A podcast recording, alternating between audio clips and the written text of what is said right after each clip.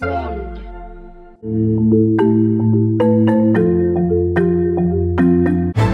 Emirgen One stüdyolarından hepinize merhaba. Bugün e, sevgili Bora'yla, Bora Özkent'le Yatırım Tavsiyesi Değildir podcast ve YouTube serimizin bir başka bölümünde sizlerle beraberiz. Bugün Çin'i konuşacağız. En son bölümde e, Bora bir ara seninle Çin konuşalım demişti. Ben de bu fırsatı hemen değerlendirdim ve Çin'i çok da merak ediyorum Boracığım. Hoş geldin. Hoş bulduk. Nasılsın, iyi misin? İyiyim valla. Geçen hafta Çin'e coğrafi olarak da yakındaydım. Vietnam'daydım biliyorsun tam sınırında. Çin konuşmak önemli. İyi ki çağırdı yani iyi ki Çin sohbeti yapıyoruz. Ne diyorsun Çin'le ilgili? Borsa, Çin borsa çok fena abi. Çöktü. Bor- Borsa çok fena. Borsa 3 yıldır iniyor yani hiç nefes almadan iniyor. Ya işte benzer şirketler işte atıyorum Alibaba ile mesela Amazon'u karşılaştırıyorsun. Yani fark inanılmaz şekilde açılıyor. İşte yanılmıyorsam Çin'in teknoloji hisseleri %60'a yakın değer kaybettiler 3 yılda. Amerikan hisseleri tam tersi %60 kazandı. Yani ara sürekli açılıyor. Ve benim ben yatırımcı olarak tabii oradan bakıyorum önce. Ben hani jeopolitikten falan fazla anlamam ama jeopolitiğin vesairenin yatırıma etkisini sadece konuşabilirim. E, İlk baktığımız yer orası ve artık çok dramatik hale geldi. Neden böyle bir şey oldu? Ne oldu yani Çin'de böyle bir son 3 senede Birkaç %60? sebebi var. Yani bir tabii bu Amerika ile itişip kakışmak akıllıca bir şey değil. Çünkü hala dünyanın en büyük sermayesi Sermaye. Amerika'da. Yani Çin hisselerinin Amerika'da trade edilenleri e, hızlı gidebiliyorlar. Bir kere hani orada Amerikan işte fon yöneticileri vesaireleri sürekli Çin'den uzak durun diyor. Yani bu net. Ve bunun arkasında jeopolitik sebep de var. İşte devlet uzak durdu diye uzak duruyor. İkincisi hani akıllı bir yatırımcı da yani Amerika ile itişip kakışıyorsan sürekli bundan pek bir yere varılmaz. Amerika sonuçta e, yani devlet politikası olarak Çin'e yatırım yapılmasını teşvik etmeye bırak bayağı üzerine gidiyor esas. Açıklama Bu açık. yapmıyor bu. Açıklama yapmıyor buna ilgili. Yani yatırmayın demiyor ama gidiyor işte bir gün çip yasağı getiriyor. Bir gün Huawei'nin işte yöneticisini bir yerde tutukluyor Tutukluyor. falan filan. Hani sürekli olarak şey tedirginliğini yaşıyorsun yani. Sıfırlanabilir mi acaba hissem diye. Çünkü Çin hisseleri Amerika'da özel bir sertifikayla işlem görür. Hissenin Hı hı. kendisi Çin borsasında çünkü. Mesela Alibaba'yı düşün. Yanılmıyorsam Hang Seng'de işlem görüyor. Bunun şeyde Amerika'da bir özel sertifikası var. ADR sertifikaları denir. Onlar işlem görüyorsun. E bir gün Amerikan Sermaye Piyasası Kurulu biz Çin'de savaş halindeyiz. ADR'ları iptal ettim dese sıfır oluyorsun. Yani bu, Hmm. bundan dolayı Amerika yatırımcısı Çin'e biraz uzak duruyor. Yani bir Bu ama Amerika borsasındaki Çin hissesinden bahsediyoruz. Amerikan borsasında işlem gören Çin hissesi. ama düşen esas Çin borsasındaki Çin. evet ama onlar zaten iki tarafta da işlem görüyorlar. onu Ee, birbirine bağlantılı tabii. bağlantılı. Yani Amerikan borsasında iflah olmayınca Çin yetmiyor. Doğru, yetmiyor. Zaten çünkü Çin'in bireysel yatırımı pek hisse senedi değil gayrimenkule ağırlıklı. Hı hı, Onu Yani da soracağım. O da başka bir ders zaten. O yüzden orası yetmiyor. İkincisi Çin'in ekonomisi kötü gidiyor. Ekonomi kötü gidince de şirketler büyümüyor. İşte Ali Baba'nın geçen hafta bilançosu geldi. Yıldan yıla büyüme yüzde bir. Yani yüzde bir büyüme diye bir Çok- şey yok aslında. çok düşük çok acayip yani. Çin gibi bir ülke için. Evet yani bu Covid sonrasında ciddi bir toparlanma bekleniyordu. Orada Covid'de inanılmaz sert bir politika götürdüler. Sıfır e, Covid Evet. diye. Üç yıl kapattılar bir sürü şey. Yani Toparlayamadılar. e, işte o Covid'den bitince toparlar diyorduk ama toparlamıyor. Onun da arkasındaki sebeplerden bir tanesi gayrimenkulde yaşananlar aslında. Yani hep birbirine bağlantılı. Gayrimenkulde yani şu anda Çin'de bir Çin nüfusunu daha sığdıracak kadar yani bir milyar insan sığdıracak kadar boş konut var hala. Öyle söyleyeyim. Bir Yani- milyar. Evet evet boş konut var. Yani bitmiş yarı bitmiş temel atılmış farklı seviyeler. Boş şehirler var hala dev gibi yani şehir yapmış adam duruyor. Niye? Yani o işin içerisine tabii biraz yozlaşma da giriyor. Yani hep böyle oluyor işte yönetim aşırı merkezleştikçe biliyorsun yani Komünist Parti ve Xi Jinping her şey ama. Yani geçen de hoş bir makale okudum. Ortalama bir iş adamı Çin'de günde 6 yemek yer diye. Hı hı hı. Ee, 6 kere 6 bürokratı dışarı çıkarması, yedirmesi, içirmesi gerekiyor ki İşini görsün. işini görsün diye ve o yozlaşma sırasında bu büyük e, özellikle konut kredileri konusundaki dev olanlar ve müteahhit şirketler süper palazlandılar. Bilmiyorum hikaye Peki bir yerde bu- tanıdık geliyor mu sana yani bu hep oldu ve onlar konutla ekonomiyi canlandırmaya. Konut her zaman dünyanın her yerinde önemli ekonomi için yani en hızlı istihdam sağlayan. Bu konut işinde Çin'de benim bildiğim kadarıyla çok fazla kayıt dışı bir ekonomi yok. Hatta bizim mesela Çinli iş yaptığımız şirketler var. Geçen Türkiye'ye geldiler. Adamların yanında hiç nakit para yok. Çünkü Çin'de hiç nakit para Evet, evet. O yüzden bir kayıt dışı durum yok. Peki bu konut piyasası daha ziyade faizle mi, düşük faizle mi büyümüştü yoksa ihracat gelirleriyle mi? Nasıl oldu bu? çok teşvik edildi bir kere. Hani o demin dediğim müteahhit şirketlerin derin bürokratlarla ilişkisi sayesinde aşırı teşvikler geldi ve Çin yatırımcısının e, bireysel yatırımcının parayı götüreceğine pek bir yer bırakmadılar. Kriptoyu kapattılar biliyorsun. Hı hı, Kripto yasak. evet. Hisse senedi tarafı hiç teşvik edilmiyor Çin'de. E bir de gidip Alibaba gibi baba bir şirketin sahibi bile devletten korkup baskıdan geleceğiz ona biraz sonra yurt dışına kaçmak zorunda kalıyorsa e Çinli yatırımcı da gayrimenkulde gördü çareyi. Ucuz krediler dediğin gibi ucuz e, şeyler e, faizler ve Tabii- herkes konuttan zengin olacağını düşündü. İ- tabii işçi açısından da sonuçta iyi bir istihdam yaratıyor. Çok istihdam yaratıyor. Çok, O çok yani da iyi. alt sektör beslemek konusunda otomotivden bile iyi bir sektördür. Yani ve en hani vasıfsız işçisi yüksek bir ülkede tekstille beraber en iyi sektörlerden bir tanesi. Yani binlerce insan istihdam da sağlıyorsun. Bir yandan da dediğim gibi yani bundan çok zengin oldu bazı bürokratlar. Ve bundan dolayı ihtiyacın çok üstünde konut inşa edildi. Aslında bunu sırf konut diye düşünme bu arada. Devletin altyapısı da çok korkunç gelişme var. Yani e, şimdi hani gittim içine bilmiyorum. İçine gidince hep şeyden çok etkilenirsin. Aa bu ne güzel köprü, bu ne güzel bina falan. Bunun çoğu gereksiz aslında. yani altyapıya korkunç büyük para gömdüler. Ondan ekonomiyi büyük tutmaya çalıştılar. Yani konutla ve Ama şu altyapı. güzel şehirler. Mesela Şangay'a gittim, Pekin, Güzel güzel e, tabii. Shenzhen. Güzel ama o kadar güzel olması gerekiyor mu emin değilim. Yani hani o yani sonuçta her şey bir ekonomik verimlilik olarak bakmıyor. Var ya bizde de böyle Ne bazı- kadar verimli ayrı bir konu. Yani verimlilikle bakman lazım ve hani mesela köprüler yapıldı. Köprünün gittiği yerdeki şehir boş ama Hı hı. falan gibi. Ama köprü çok güzel bakıyorsun. Bu buraya korkunç bir verimsiz kaynak ayrıldı. Yani konut ve e, altyapıya ve Çin'in ekonomisinin bel kemiğini bu oluşturuyor. Mesela ihracatın önemi ikinci seviyede Çin'de yani öyle düşünmen lazım. Peki bir şey soracağım. Biraz daha geriye gidersek. Yani Çin özellikle son işte 30-40 yılda müthiş bir gelişme de gösterdi. Çok büyük büyüme. İşte ekonomisi Evet. dünyanın en büyük ikinci ekonomisi oldu falan.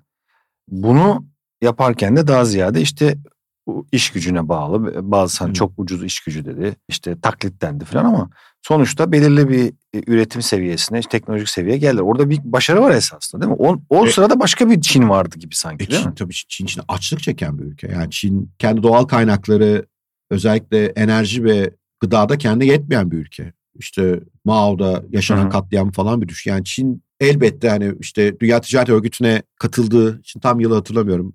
Ee, 90'ların sonları olması lazım. 2000'lerin başı gibi düşün. O dönemden itibaren müthiş yol aldı. Çünkü dünyaya yani temelde şu oldu aslında. Bir milyar Çinli var. Bunu muhtemelen işte 300-400 milyonu iş gücüne dahil. 300-400 milyon günde bir dolara çalışan işçi kattılar. Zaten Evet. dünya ekonomisini de yukarı çıkartan bir konu. Yani Amerika'nın uzun bir dönem boyunca sıfır enflasyonla büyümesini sağladı. Batı'nda da öyle yani. Çok düşük şeyler. Çok düşük iş, işçilikte. Ve e, o dönemde e, özel sektöre çok önem verdiler. Yani biliyorsun hala komünist Çin Doğru. temelde ama özel sektöre ciddi özgürlükler tanıdı ve özel sektörden de işte bu Hem Ali Baba'nın Jack gibi tabii yani şeyler çıktı böyle fikir beyan eden, görüşü olan insanlar çıktı. Bunlar Çin'in yeni kahramanları haline geldi. Dünya çapında başarı Evet, aynen. Bir de mesela şey önemli yani ülkenin kahramanı. Doğru. Mesela Jack Rol Ma- model değil Jack mi? Ma tam böyle rol model işte biliyorsun turistlere hizmet verip kendi kendine köyden gidip İngilizce öğrenip falan gelen bir adam yani. Müthiş bir başarı hikayesi. Ama şimdi o başarı hikayelerinin hepsini üstünden geçiyorlar şu anda yani ve ne yaptı? Devlet işte Xi Jinping biliyorsun başkan ömür boyu seçilme garantisini kendine tanıdıktan sonra Komünist Parti sonuçta kendisinin var olmasını her şeyden daha önemli görüyor. Yani ekonominin aşırı iyi gidiyor olması veya süper şirketlerin bünyesel Tehdit olarak olması görüyor. bence tehdit olarak görüyorlar. Yani başka türlü açıklayamıyorum çünkü çok çöktüler şirketlere. Yani her gün yeni bir şey çıkıyor. Bir yeni regülasyon getiriyor ve sektörün oyuncuları hiç konuşmadan geliyor. Mesela atıyorum çocuklara ben oyunu yasakladım diyor. Okey anlıyorum ama yani bunu bir tartışsa konuşulsa bir plan olsa hayır yasakladım ben diyor bitiyor. Veya yapay zeka regülasyon getirdim diyor. Veyahut da antitrust davaları Bir- açıldı Ali Baba'nın aleyhine Bir- çok. Biraz korkuyor esasında Çin devleti değil mi? Çin Öyle devleti gözüküyor. bu kendine alternatif hiçbir şey istemiyor. Çünkü, çünkü Çin'in biliyorsun tarihine bakarsan bir merkez şey yapmış bunlar hep toparlanmışlar tek haline gelmişler sonra dağılmışlar Dağılmışlar. yani 3-4 kere bunu yaşıyor.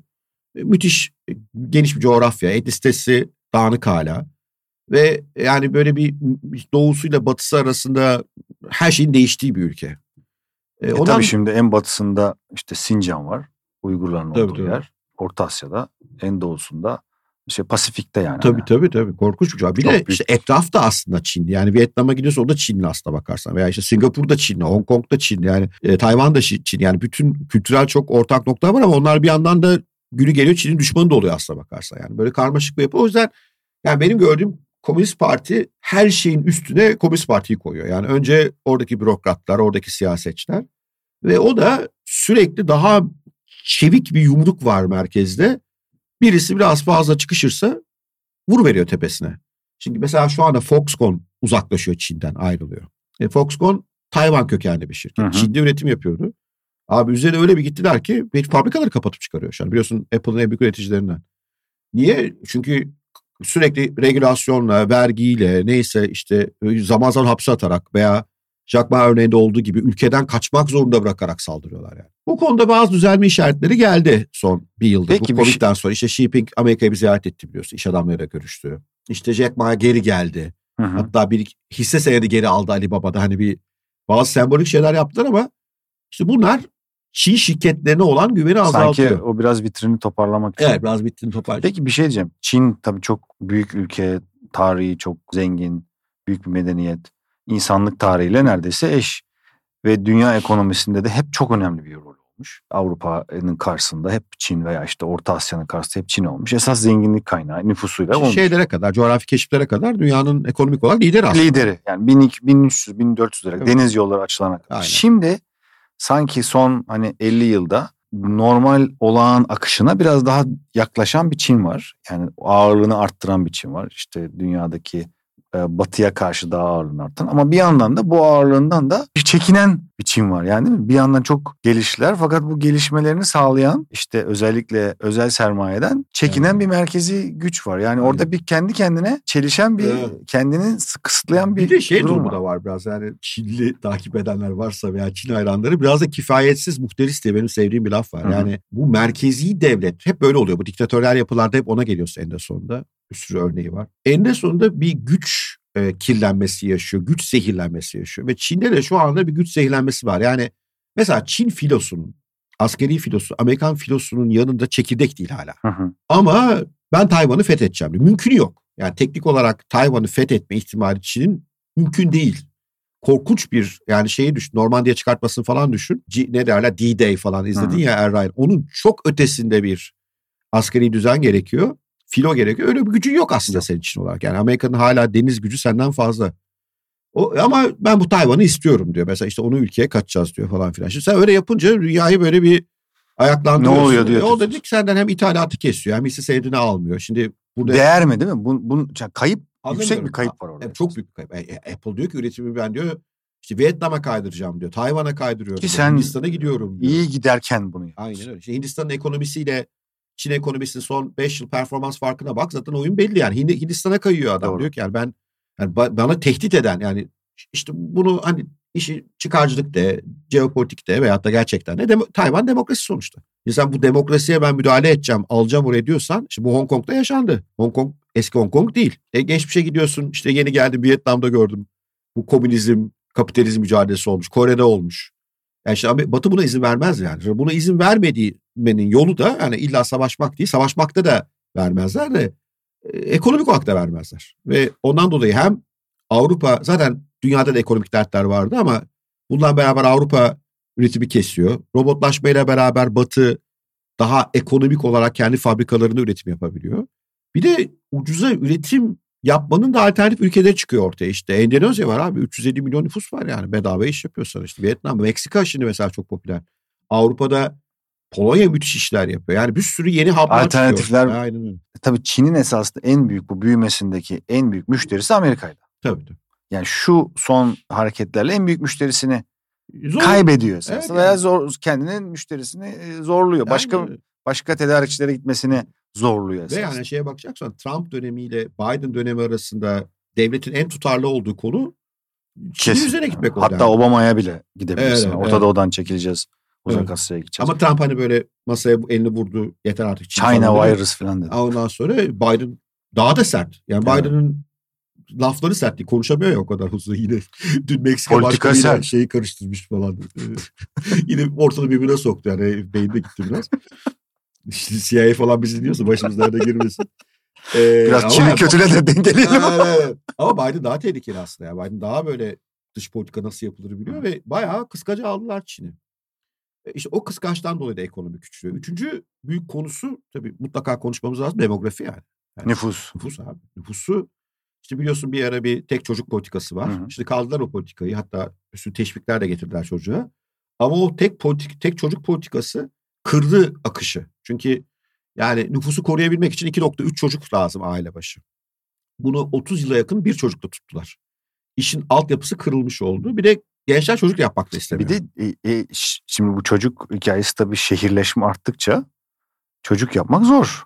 Yani hepimizin Tabii ekonomik olarak da gördüğü, zor. ekonomik olarak zor, yaşadığın alan bilmem Evet. her şey zor. Bir, de- bir anda şehirleşiyorsun. Çin'de olağanüstü bir şehirleşme var. Devasa şehirler var.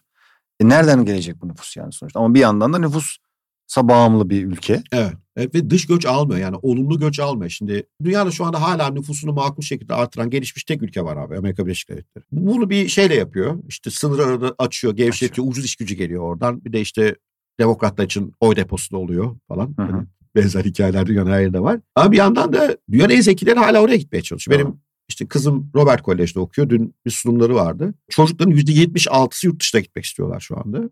%76'nın da en top yani en babaları Amerika'ya gitmek Amerika. istiyor hala.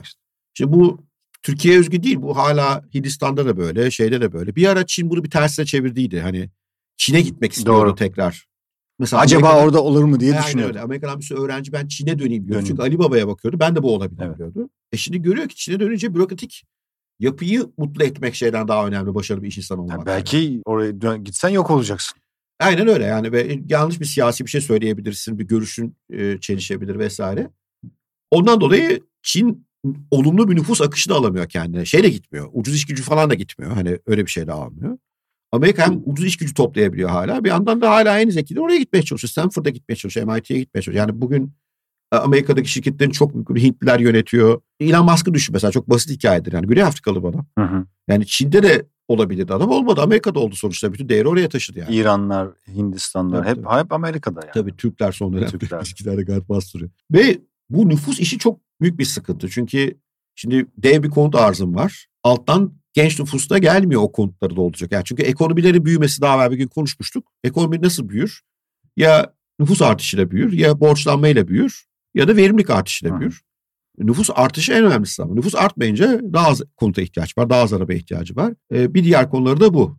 Bunların üzerine de bir de tabii şimdi hep merkezi devletlerde bu sıkıntı yaşanmış geçmişler. Yani merkezi devletler ilk başta çok iyi gidiyorlar.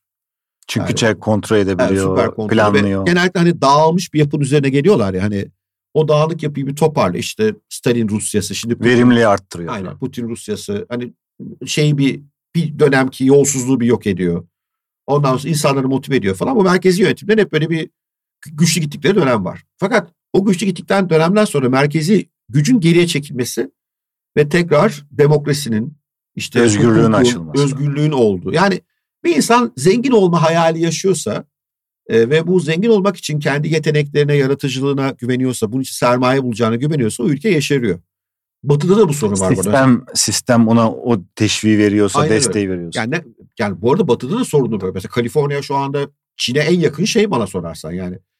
Tra- şeyin başına gelenlere bak Elon Musk'ın başına gelen. Yani orada da sıkıntılar var ama yine de mesela Amerika'ya baktığında en büyük avantajı eyaletler olduğu için yani bir Doğru. eyalette çok sıkıntı yaşıyorsun öbür eyalet sana kucak açıyor. Gel abi o zaman. Texas şimdi buralar biliyorsun. En azından bir e, birbirini dengelemeyen, öyle, dengeleyebilecek bir yapı var. Bravo. Yani zaten şeye bak yani tarihe bak işte mesela İtalya'da biz hep Roma İmparatorluğu dönemi konuşuyoruz. Aslında İtalya'nın en fakir olduğu dönem Roma İmparatorluğu. İtalyan refahı Roma yıkıldıktan sonra şehir devletleri gelince oluşuyor. E, İşte Cenova, Venedik. Aynen öyle. Venedik diyor ki ben diyor denizcilikte iyi olacağım diyor. İşte e, şey Floransa bütün sanatın işte ticaretin bankacılığın başladığı yer öne çıkıyor. E, Çünkü e, öbür türlü olsa ya Vatikan'ın kontrolünde olacaklar. Vatikan diyecek ki bu dine uygun değil falan. Zaten o, o Vatikan'da o sırada işte beğenmediklerinin kafayı kesiyor. Aynen öyle. Ya da Roma İmparatorluğu'nu düşün. Yani işte o sırada iyi bir imparator varsa harika ama yani her zaman iyi imparator ve mutlaka o merkezdeki adamın etrafına o merkezdeki abiden geçinen bir dev bir kitle oluşuyor. Yani dünyanın her yerinde yani şehirlere gidip bunu görürsün. Hani merkezde dev bir saray onun etrafına bir bürokratik yapı Ya geliyor. doğal bir şey bu Ve sonuç. yani bunu sorunca ne oluyor biliyor musun? Mesela mesela shippingle ilgili böyle çok acayip hikayeler var. Pekin'de bir 6 gün etik kesintisi yaşıyor. Shipping'in haberi olmuyor. Çok enteresan. Yani haberi bile olmuyor olay. O kadar koparılıyor o dünyadan. Ve iletişim kanalları kapalı olup merkezi hükümet işte, işte hem yolsuzluk hem bürokrasi hem güzel gösterme çabası girince ekonomik dertler de anlaşılıyor. Bu endişe sanki şeyle de ilgili olabilir yani. Tarihi bir şey okudum geçen. Tarihin hiçbir döneminde ki hatta geçen bölümde de kısaca bahsetmiştik. Herhangi bir yer, dünyanın hiçbir yerinde tek bir aynı yönetim. Buna daha eski devletlerdeki işte kralları falan da dahil edelim. 75-80 seneden fazla yönetimde kalmamış. Hı. Yani burada Komünist Parti esasında bir ilki Yüz küsür yapıyor ve sanki hani onun da bir endişesi olabilir. Hmm. Acaba burada bize bir tehdit var mı? Yani Çin'de Komünist Parti'nin bir beka problemi her yaşıyormuş gibi bir hali var. Evet. Ve onun üzerine de olabilecek her türlü alternatifin üstünü örtüp Tabii. kapatıp işte kendi içinden bile olsa e, dünyada başarılı kazanmışsa ki iyi bir rol model olursa bu sefer tam tersine onun üstünü kapatma gibi. Fakat bu tabii bütün zenginleşmesinin sebebi olan girişimciliği. Ö, girişimciliği. Aynen öyle. Yani şimdi orada hani e, hani işin mesela biraz daha iyimser tarafından bakacak olursak mesela otomotiv çok teşvik ediyorlar şu anda. E onu da oraya gelelim. Elektrikli arabalardaki evet, evet. başarısı ne yapabilir? Çok büyük bir üretim. 26 milyon civarında üretim kapasiteleri var. Büyük bir kapasite inşası yaptılar. Lityumun e, madeni adamlardan çıkıyor zaten. Batarya teknolojilerinde ilerideler, çok ilerideler. Yani Güney Kore e, ile kapışacak. Arabalar da güzel ama ya. Araba tarafında da işte o yani zaten tarih hep öyle geçmiş. Hani sen onu yaşamadın. Ben senden genç mesela Japon malı Tapon malı derlerdi. Yani Japon malı kötü mal diye algılanırdı. Hı hı. Çünkü İkinci Dünya Savaşı'ndan sonra Japonlar biz üreti, üretime girelim diyorlar. Hani Ankara'da bir pasaj vardı gidip oradan ucuz Japon mallar alır. e sonra Japonlar ne yaptı abi? İşte adım adım toplam Çok kaliteli vesaire kaliteye getirişi. Çin'de aynısı oluyor yani. Hani ve genelde şöyle bir ya ekonomik modelde de hep ucuz iş gücünden daha katma değerli mala kayılıyor bir dünya oluyor. E, ve Çin bunu aslında mesela sağladığı iki temel alan oldu. Bir tanesi tüketici elektroniği tarafında, cep telefonları tarafında çok kaliteli ürünler üretiyor.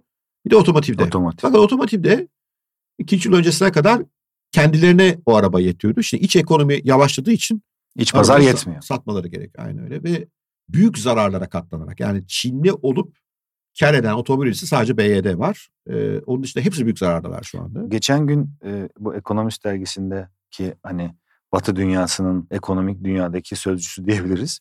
Orada hep böyle Çin'e karşı yazılar falan da var işte Çin dosyaları falan. Orada bir şey vardı bir ayrı bir dosya. Çin'in elektrikli arabalarla şeyi ve hani Batı'nın Çin'den gelecek elektrikli arabalar tarafından tamamen işgal edileceğini. Evet, evet. Hani buna da ama izin vermesi gerektiğini çünkü enflasyon düşür, düşüreceğini ama falan öyle yapmadılar. Yani şimdi Avrupa için daha Ne yaptı mesela? Bu, acayip. Daha bak Avrupa tarihi hiç olmamış bir şey yaşar. Normalde Avrupa'da antitrust e, davaları sektör oyuncuların istekleriyle gelir. Yani sektör der ki Çin dumping Çok ucuza getiriyor. E, çok ucuza getiriyor. Orada dumping yapılıyor. Biz haksız rekabet uğruyoruz da sektör temsilcileri Avrupa e, meclisine giderler. Taleplerde bunlar. Lobi yaparlar. Öyle. Bu sefer öyle değil abi. Avrupa Birliği Kendisi yaptı. Tabii Lagarde direkt şey dedi yani mahvediyorlar bizi. Biz bunu engelleyeceğiz dedi. Ve şu anda Avrupa'da elektrikli araba satışları bundan dolayı düşüyor. Çünkü Almanya başta bütün teşvikleri kaldırdılar. Çünkü bir de Çin'den iyi bir oyun oynayıp yani Avrupa'nın teşvik mekanizmasında bir hata yapılmış. Hmm. Çin'den gelen arabada da aynı teşvik vardı. Anladın mı? Mesela Amerika'da yok. Amerika giremiyor Çinliler. Yani o konuda Avrupa'nın... Bizim Türkiye'de de yok değil Biz mi? Biz çok... Bahar açıktı şimdi kapattılar her şey. Giremiyor Çinlileri bayağı engellediler orada. Yani işte şey getirdiler biliyor servis zorunluluğu getirdiler. Evet, Kendinin evet. işlettiği 25 servis olacak falan. Engellediler. E, o yüzden Avrupa için stratejik yani otomotiv ve ölüyor Avrupa otomotiv yani. Şey yapamıyor. Evet. E, rekabet edecek, e, ürün de çıkaramıyor. Etikleri zaten çok zayıflar. Maliyet yapıları son derece bozuk. kaldı. Hırs, hırs da yok. Evet yani daha, tabii Avrupa bir, bence güzel bir turizm merkezine dönüşüyor adım adım. Yani işin doğrusu birkaç şey hariç yani çok hoş işte gidiyoruz tarih, kültür. Evet. Çok hoş. Zamanın sömürgelerin büyük ekonomisi ama şu anda hani sen de öyledir. Yani özendiğin bir Avrupa markası çok az vardır veya bir business yaparken Bilmiyoruz ki şunu Avrupalılarla yapayım dediğin çok az örnek vardır. Yani o cepler var hala hani topyekun öldü diyemeyiz. Bir sürü çok beğendiğim hala şirket de var ama yani toplamda ya Avrupa daha Genel da gidişat yani. Evet, bir de Avrupa daha da merkezi. Avrupa bir de tuhaf bir merkezi. Şimdi Çin'de en azından herif deyince oluyor. Avrupa'da bir merkezi yapı var. O deyince olmuyor. Olmuyor. Yani bir, bir hem merkezi hem olmuyor. Bir tuhaf bir şey yani. şey Avrupa'da Brüksel var ama olmuyor. Hiçbir şey yapamıyor. Bir de orada şeyi kaybetti. İşte Almanya yani Almanya'nın yani şimdi hep böyle kafamıza idealler çiziyoruz. İşte Alman üretim. Tabii bunlar önemli ama yani 20 yıldır ucuz doğal gaz alıyor. Deriz. Doğru. Yani ucuz doğalgaz bitti görüyorsun Almanya.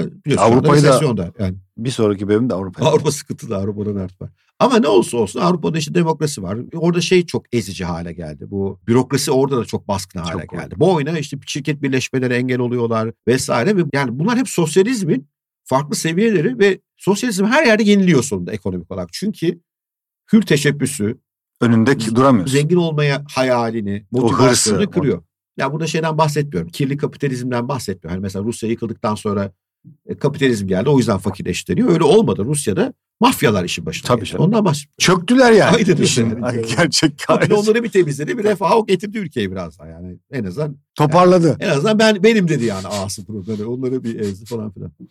Şimdi Çin'in dertleri böyle abi ve... E... Şeyi soracağım. Bu Çin'in iki tane şeyi var. Yapmak istediği iş var. Birincisi yeni İpek yolu denen veya işte hani One Belt One Road bir karayolu tekrar ticaret otoyolu yaratmak ve onun etrafında da yeni bir ekonomi yaratmak ki bu tarih boyunca esasında Çin için çok önemli bir şey. Hatta bu bütün bölge için, bütün dünya için bu otoyol çok önemli olmuş.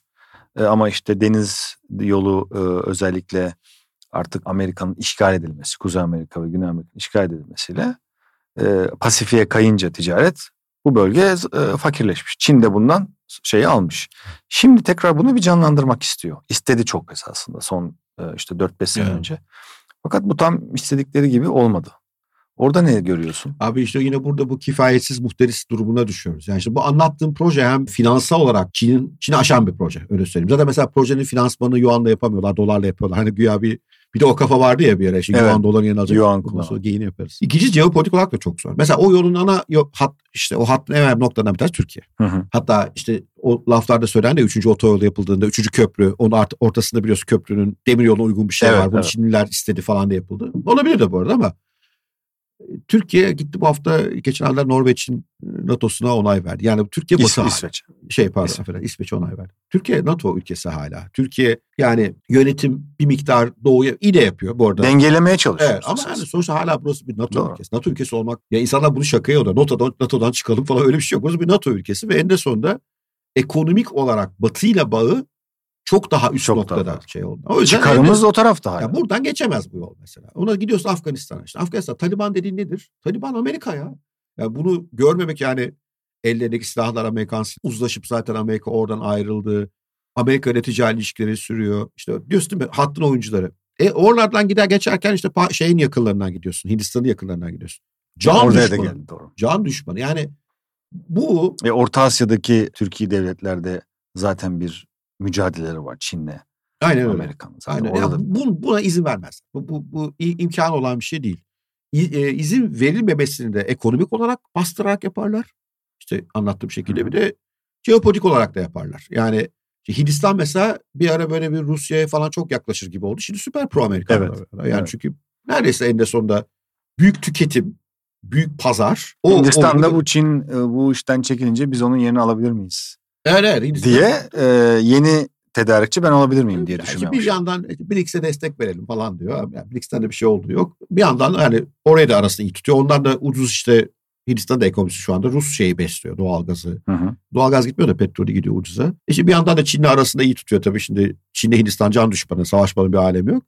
Ama bu kifayetsiz muhterislik projesi yani. Yani şu izin vermezler. Senin yani. söylediğinden ben şunu e, anlıyorum ve şaşırıyorum da. Çünkü şimdi kifayetsiz muhteris esasında hırsını biraz erken ortaya çıkarmak. Evet, evet. Biraz daha bekleyebilirdi. Ama bir yandan da Çin'e bakınca Çin'in medeniyet olarak en önemli özelliğini sabretmek ve zamanı gelinceye kadar beklemek olduğunu anlıyoruz. Fakat hmm. burada bu sabrı son zamanlarda işte bu demin konuştuğumuz belki de bu beka korkusundan dolayı gösteremediler. Yani Olur. bir 10 sene 15 20 sene daha biriktirebilselerdi çok daha kuvvetli bir şekilde sahneye çıkabilirlerdi. Yani evet yani biraz erken şey oldu.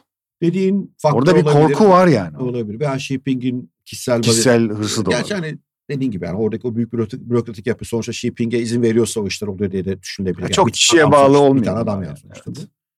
bu. Ee, bu, bu, bu kadar büyük yapılarda, bu kadar büyük ülkelerde böyle büyük çok tarihe çok uzun süre bakınca yani o adamların genelde bir o büyük yapının e, enstrümanı olduğunu görüyorsun. Evet işte sen seversin öyle derin devletleri vesaire yani onlar bir yerlerde var yani o, o bir şekilde bir yerden sonra kontrol alıyor.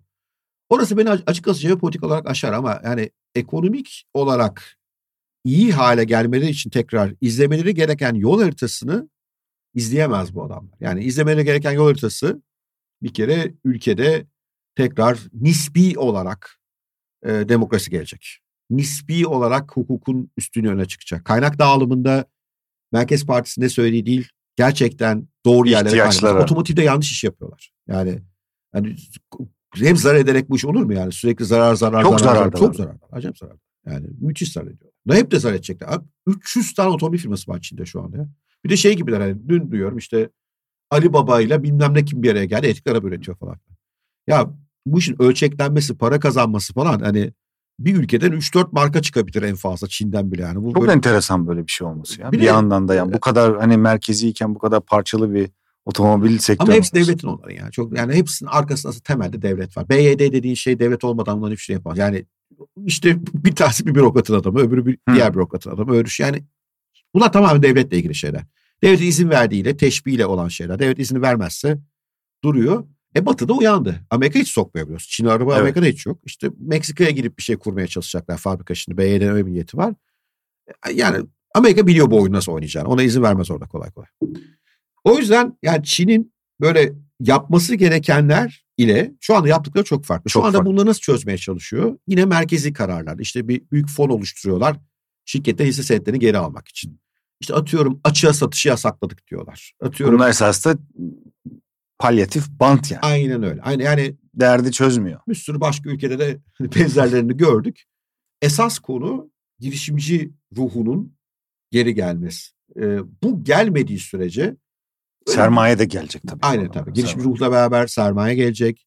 işbirlikleri gelecek. O girişimci ruhta bir şeyler istiyor. Yani iki şeyden bir tanesi ister. Bir, tamam başta bir diktatör olsun ama diktatör benden olsun. Singapur bunun örneği yani. Doğru. Singapur diktatörlüğünün Allah bir tane kral var değil mi? Kral diyoruz ona. Yani İşte kral, başkan. kral abi adam yani temelde kral gibi adam yani kral gibi adam. sigara içemiyorsun ülkede ya yani ama iyi kral anladın mı? Yani sanayi onu şey onu seviyor yani o ölse bilmiyorum Singapur yapsa oğlu gelse oğlu manyağın tekiyse Singapur falan bırakmazlar. Ama adam iyi kral ne yaptığını biliyor. E, ve oraya giden şirket o kral olduğu sürece en azından Bir de tabii küçük. başıma Mesela. çıkmaz diyor. Aynen küçük olması etkin tabii. Başıma büyük bir iş çıkmaz diyor. Ya da serbest ekonomi olacaksın. Yani e, hukukun işlediği ve Hong Kong bunun şahane örneğiydi. Orayı da bitirdi herifler Evet, evet. Orayı da bitirdi. Ben Hong Kong'a bu işler birleşmeden önce gitmiştim. Ya Bir çeşit New York abi. Evet, değil müthiş bir yer. Süper Evet, canlı bir yer yani acayip. E, Olağanüstü bir ve enerjisi var. Yani şeyiyle değil konu yani. Hani Çok canlı gerçekten. işte Şangay'a falan gidince binadan etkileniyorsun falan. Burada değil. Burada Kültürü de var. kültür var. Küçük girişimci var. Evet. Kendi kendine bir şey yapıyor. Bütün dünya işi. Acayip bir şeydi yani. Gitti abi oraya ben dedi merkezleştiriyorum dedi falan filan.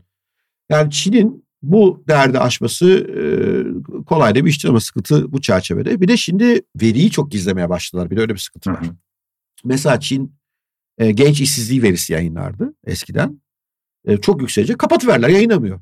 Şimdi mesela hisse senetlerinde Amerikan borsasında da bu böyledir. Bir küçük hani öyle bir örnek vermeye çalışayım. Yatırımcının en çok korktuğu şey belirsizliktir. Tamam mı?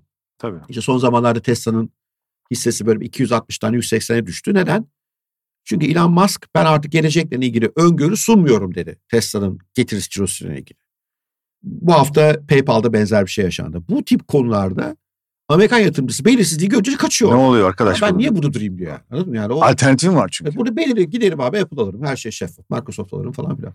Şimdi ülke çapında sen veriyi saklamaya başlıyorsan veyahut da ben geri Manipüle kalan- ediyorsun. Evet yani muhtemelen yani, yani istatistik kurumları falan yani bir tane yere bağlı. Yani işte Amerika'da şey geliyor mesela enflasyon rakamı geliyor. 20 tane eleştiriyoruz. FED rakamlarla oynuyor ama Amerika'da 4-5 tane kurum ölçüyor bunlar. Yani FED onda çok oynadığı zaman Birisinden çıkıyor. haber oluyor falan filan. Yani hiçbir yerde mükemmel bir durum yok. Onu yüzde yüz kabul ediyorum ama gelişmiş işletme. İsmi olarak, Evet. karşılaştırma olarak daha öyle. Yani daha, daha şeffaf. bir yere varıyorsun. Ve yani Amerikan hala bence en büyük gücü bu serma şeyin yani finansal piyasası çok gelişkin bir piyasa. Yani şeyi Evet. düşünsün oradan söyleyeyim sana. Yani. Bir şirketin finansal tabloları konusunda analiz yapan insan sayısına bak. Yani, Doğru. Yani acayip bir şey yani. Hani bir, bir yerden yakalıyor. Bir ne bir kadar yerden- göz var üstünde. Aynen öyle. Ve nispeten daha iyi bir yere varılıyor. Yani orada da sonuçta hani şu eleştiriye de yüzde yüz hak veririm. Lan koca Amerika'da da Biden'la Trump'a kaldık dersen hani biri yüzde yüz bunamış öbürü de yavaş yavaş belirti gösteriyor. Kesin ama onlara kalmıyor o iş yani. Altta bir sürü hala bağımsız hakimi var bilmem nesi var falan filan. Evet, Ve şey bir düşün yani çok kolay örnek bu. Ee, Elon Musk açık seçik cumhuriyetçilere destek veriyor. Açık seçik artık. Eskiden daha kapalıydı. Ya Putin'in biliyorsun e, Carson diye bir adam var. Bu eski Fox TV'cidir. Ayrıldı Fox'tan. Şimdi Twitter üzerine kanal açtı. Dün o herif gitti Putin'le röportaj yaptı ve Twitter'da bunu yayınladılar. Yani Hmm. normal suç bu aslında. Amerikan devleti pek bir şey yapamıyor. Getiriyor işte zorluyor e, e, yani işte bir hakim aleyhine karar veriyor falan ama bir yandan hala teşbihini de alıyor Elon Musk. Hala işte SpaceX'te devlete işte NATO'ya, yapıyor. işte Hala NATO diyorum şeye. işte bunun uyduları, işi. uyduları gidiyor şeyde Ukrayna'da Amerikan ordusuna istihbarat desteği veriyor falan filan. Çünkü tam merkezi değil. değil. Yani Biden buradan hayır dese de birileri Ya geç abi biz bunu yapacağız Doğru. diyorlar. Tamam? O yüzden yani çökertemiyor. Abi öbür tarafta öyle değil. Bir Çok gün- çok merkezi. bir günde bitiriyor seni. ya. Yoksun ya. Ali babasın yoksun ya. Yani yani Jack Ma'nın e, 10 yıl önce e, Steve Jobs'tan, Elon Musk'tan, Jeff Bezos'tan hiçbir fark yok. Hatta bence daha ilginç bir herifte yani. Tabii tabii. Yok oldu abi. Müthiş bir başarı hikayesi. abi o zaman ben niye gideyim oraya? Yani şeyi hep kaçırıyoruz. Bütün bu biraz olayla şimdi sosyalizm, kapitalizm mücadele şeyine geldi ama yani makul bir kapitalizm, yani hukukun çalıştığı, işte aşırı monopolleşme izin verilmeyen bir sistem girişimciliği özendiriyor. Girişimcilik de işin temeli. Yani işin uzun lafı kısası devlet eliyle yaratılan bir girişimcilik bir yere kadar götürüyor. Sonra salman gerekiyor. Mesela Kore başarılı yapıyor işi Güney Kore. Yani onlar devlet eliyle yarattılar ama şimdi salıyor. Yavaş yavaş bırakıyor. Salıyor. Yani hikaye o. O zaman son bir soru soracağım Bora. Bu şeyle de bağlantılı. E, demin konuştuğumuz işte yeni İpek yolu diyelim. E, geçen birkaç bölüm önce de şeyi konuşmuştuk. BRICS. Burada hatta sen şey demiştin. E, BRICS esaslı deniz ticaretine Evet. hakim olmaya çalışan bir proje. Şimdi bir yandan hani çok iyi gitmeyen bir yeni İpek yolu var. İşte be- demin anlattığın sebeplerden dolayı Çin orada biraz zorlandı. Bir yandan da ama BRICS'le sanki deniz ticaretine tekrardan Evet. hakim olmak istiyor. Buradaki gelişmeler başarılı olabilir mi? Evet. Ne diyorsun? Yani BRICS çok birbirine benzemeyen hatta tarihi olarak bakınca birbirine düşman ülkelerin bir araya gelme çabası çok temel itibariyle. Yani orada zaten hani BRICS diyorsan hani Güney Afrika falan var da yani kim takar Güney Afrika yani. Hani burada esas konu Rusya, Çin ve Hindistan. Hindistan evet. Tamam. Üç tane büyük. E, Rus'la Çinler birbirine böldürmüşler. Bir Yani, de yakında e, bir çok komşular. evet yani, ve- tehlikeli bir- yani her zaman tehditler birbirine. Tabii ki. Her zaman birbirine topraklarını gözü olur. Yani Rusya'yı da şöyle düşünmek lazım. Yani bizi izleyenler için veya dinleyenler için Rusya tarih boyunca bugünkü Rusya olmasa bile esasında bugünkü Rusya biraz Moğolların devamı gibi düşünmek lazım. Hmm. Yani Moğol İmparatorluğu'nun en büyük Moğol İmparatorluğu yani Cengiz Han İmparatorluğu'yla bugünkü Rusya'nın şeyi çok benziyor. Oğlum. Yani orada bir o düzenin değişip e, Moğollar yerine Slav ırkının gelmesi gibi düşünemiyoruz. Ama oradan bile alırsak Ama İşte- devlet yönetim mantığı falan aynı diyorsun. yani çok yakın yani. Hani hem coğrafi hem mantık, e, zihin hala hatta mesela Ruslarda işte Kazak e, askerler hep o savunma generaller falan Kazak Hmm. kökenli falan. Yani oradan daha geriye alırsak aynen dediğin gibi çok uzun bir süreden bahsediyoruz. Bin yıllık bir en az bin yıllık hatta iki bin yıllık bir mücadele var orada. Çünkü aynı coğrafyayı paylaşıyor. Aynen öyle. E, Hintlilerle zaten bayağı düşmanlar yani. Şimdi bu bir de bunların içerisinde Hindistan demokrasi nispeten. Gerçi o da otoriterleşiyor ama yine de yani dünyanın en büyük demokrasisi nasıl bakarsan bak. Ya o büyüklükteki o karmaşadaki bir ülkede Seçim- seçim, seçim, yapabiliyorlar hala ve hani seçimlerle ilgili çok da büyük bir sahtekarlık falan dinlemiyor. Bu senede önemli bir seçim var orada. Evet. Evet aynen öyle. Bu sene zaten her yerde büyük seçimler var. Bir de şeyi de tutuyor bir arada. Ee, yani bu kadar geniş bir işte 300 dil var, 500 dil var neyse acayip bir etnisite Evet, var. evet. Onları bir yere tutuyor. Bir demokrasi. Rusya ile Çin otoriter. Şimdi ortalama bir Hintli Ruslarla ve Çinlilerle beraber olmak istemiyor. Amerikalılarla beraber olmak E istiyor. doğru. Ve oranın asıl ekonomideki büyük oyuncusu bence Hindistan. Çünkü evet yani Rusya tabii doğal kaynak olarak en zenginleri ama doğal kaynakla bir yere kadar. Yani Rusya'nın ekonomisi yanılmıyorsam şimdi 2,5-3 trilyon dolar civarı bir Apple yani. Hı hı. Bütün bu doğal kaynak zenginliğine rağmen. BRICS'in içerisinde bence ekonomik olarak en önemli güç aslında Hindistan. Çünkü Rusya bir doğal kaynak zengini ama şirketi yok doğrusu yani dünyaya sattığı emtia dışında ciddi bir şey yok. Savunması sanayi bile hani gördük ki öyle çok da ciddi alınacak bir şey değil. Yani şu gemilerinin dronlar tarafından vurulması falan yani hava savunma hava savunma Ruslar Veya İran'dan işte bir takım şeyleri almak zorunda. kalıyorlar. evet aynı öyle. Drone Belki şimdi falan. belki bastırıyorlar hani toparlamaya çalışıyorlar ama Evet, evet. ortada biz çok büyük bir sanayi yok yani. Yok canım şey yok. Yani bir gün seninle şey konuşalım. Bana drone ekonomisini konuşalım. Dronlar Tamam. savaşlardaki falan önemi çok büyük konu bence. Orada gördük yani Rusya Rusya nasıl savaşıyor? Hala eskiden olduğu gibi çok askerin ölmesini göze alıyor. Bu bırakmıyor. Geleneksel bir Bırakmıyor savunma yani. savaşı. Aynen, bırakmıyor yani. Adam bunu iyi beceriyor her zaman yaptığı gibi. Ee, şimdi Çin doğal kaynak olarak asla Hindistan kadar, e, şey Rusya kadar zengin değil. En temel kaynaklarda. İşte ve anlattığımız ekonomik sorunlar var. Hindistan öyle değil. Hindistan insan kaynağı müthiş. Doğru. Demokrasi var. Ve yani bugün kendinden düşün. Bir pozisyon açıldığında üç ülke arasında hangisini tercih ederdin anladın mı? Hani çalışmaya gitmek. Yani hala dünyadan iyi iş gücü alabiliyor. Ve Hintliler Amerikan ekonomisinin çok içine girmişler. Yani bak abi Google'un CEO'su Hintli. Microsoft'unki Hintli, Hintli. Adobe'ninki Hintli. Bunlar zaten en büyükleri. Tabii zaten hep işte algoritma, matematik falan hep Müthiş. Hintliler Bir de orada yani. birkaç tane çok iyi okul var. Oradan iyi lider falan yetişiyorlar. Yani bu işte E, İngilizlerin de şeyi var orada. evet tabii. Onların Bir- sistemini de aldılar. Evet yani şeyde zaten görüyorsun. Bu tatilde onu gördüm. Şimdi sömürü tabii korkunç bir şey. Sömürmek istemezsin ama bütün bu mesela şeye bak işte e, Pasifik bölgesine bak. Orada hiç sömürmemiş tek ülke Tayvan. Hı hı. Şey affedersin Tayland. Hiç sömürmemiş onlar. En berbatı da o yani gittiği zaman şey açısından. Yani altyapı, onun şehircilik dökülüyorlar yani anladın mı? Yani Vietnam bile hani sömürmüş falan ama yani mesela Hanoi'ye gidiyorsun başkent Paris'e benziyor aslında. Sömürü iyi bir şey diye söylemiyorum ama yani sömürünün getirdiği bir işte bir gelişim oldu. insan Oradan gelişimi. döndürebilirsen. Aynen döndürebilirsen tabii. Yani Döndürebilirsen. orada kalırız. Orada takılırız. Araplarda olduğu gibi yani çoğu kalmış. Kuzey Afrika'nın büyük bölümü atlatamamış hala. Tabii bizi. aynen öyle. Ee, şimdi bu üçü bir arada bir şey yapamaz abi. Yani bunlar gelirler konuşurlar. Şimdi bir de Suudi Arabistan falan katıldı. Yani. Suudi Arabistan katılsa ne olacak katılmasa ne olacak? Yani petrolün fiyatı düştükçe Suudi Arabistan yok aslında. Ve o yüzden yani onun bir kere çekirdeğinde böyle güçlü bir şey görmüyorum. Bir ülkü birliği olmaz bunlardan. Bunlar haklı olarak hak Stratejik veriyorum. Yani, des- bu- burada Amerika'ya karşı falan bizim de bir gücümüz olsun kardeşim. Doğru. Yani bir işbirliği yapalım arasında falan. Onun dışında oradan güçlü bir şey çıkma ihtimali açıkçası yok. En son Era hep şuna geliyor konu. Bir demin dediğim gibi e, bir girişimcinin hayallerini besleyebileceği ülke bir de finansal piyasalar. Finansal piyasası ülkenin güçlüyse her şey mümkün. Çünkü o zaman değerli şirketler yaratıyorsun. Ama şöyle bir yaratıyorsun. durum var bu, buraya. Bu anlattıklarından bu dünya tarihinde hep böyle olmuş zaten de. Yine de sanki işte Amerika'nın son veya Batı'nın diyelim son 500 yılda farklı farklı merkezlerde yarattığı işte bu Evet. e, Brüj'den başlıyor. Hmm. E, işte Londra'ya oradan New York'a gidiyor. Amsterdam. bir- Ama bu sistemin sanki e, Amerika'da yani bir sürü problemiyle sonuna gelmiş gibiyiz. Yani başka bir yerlere gitmesi lazım fakat gidecek yeri bulamıyor. Esasında İşte bu. Mars'a gitmek. Ya çok enteresan bir şey. Gidecek yeri bulamıyor. Sanki böyle bir dünyada enteresan bir döneme geliyoruz. Hiç Oldu. olmamış böyle bir dönem. Jeopolitik olarak beni aşan konular. Evet Amerika'da da çok sıkıntı olduğu yüzde yüz yani.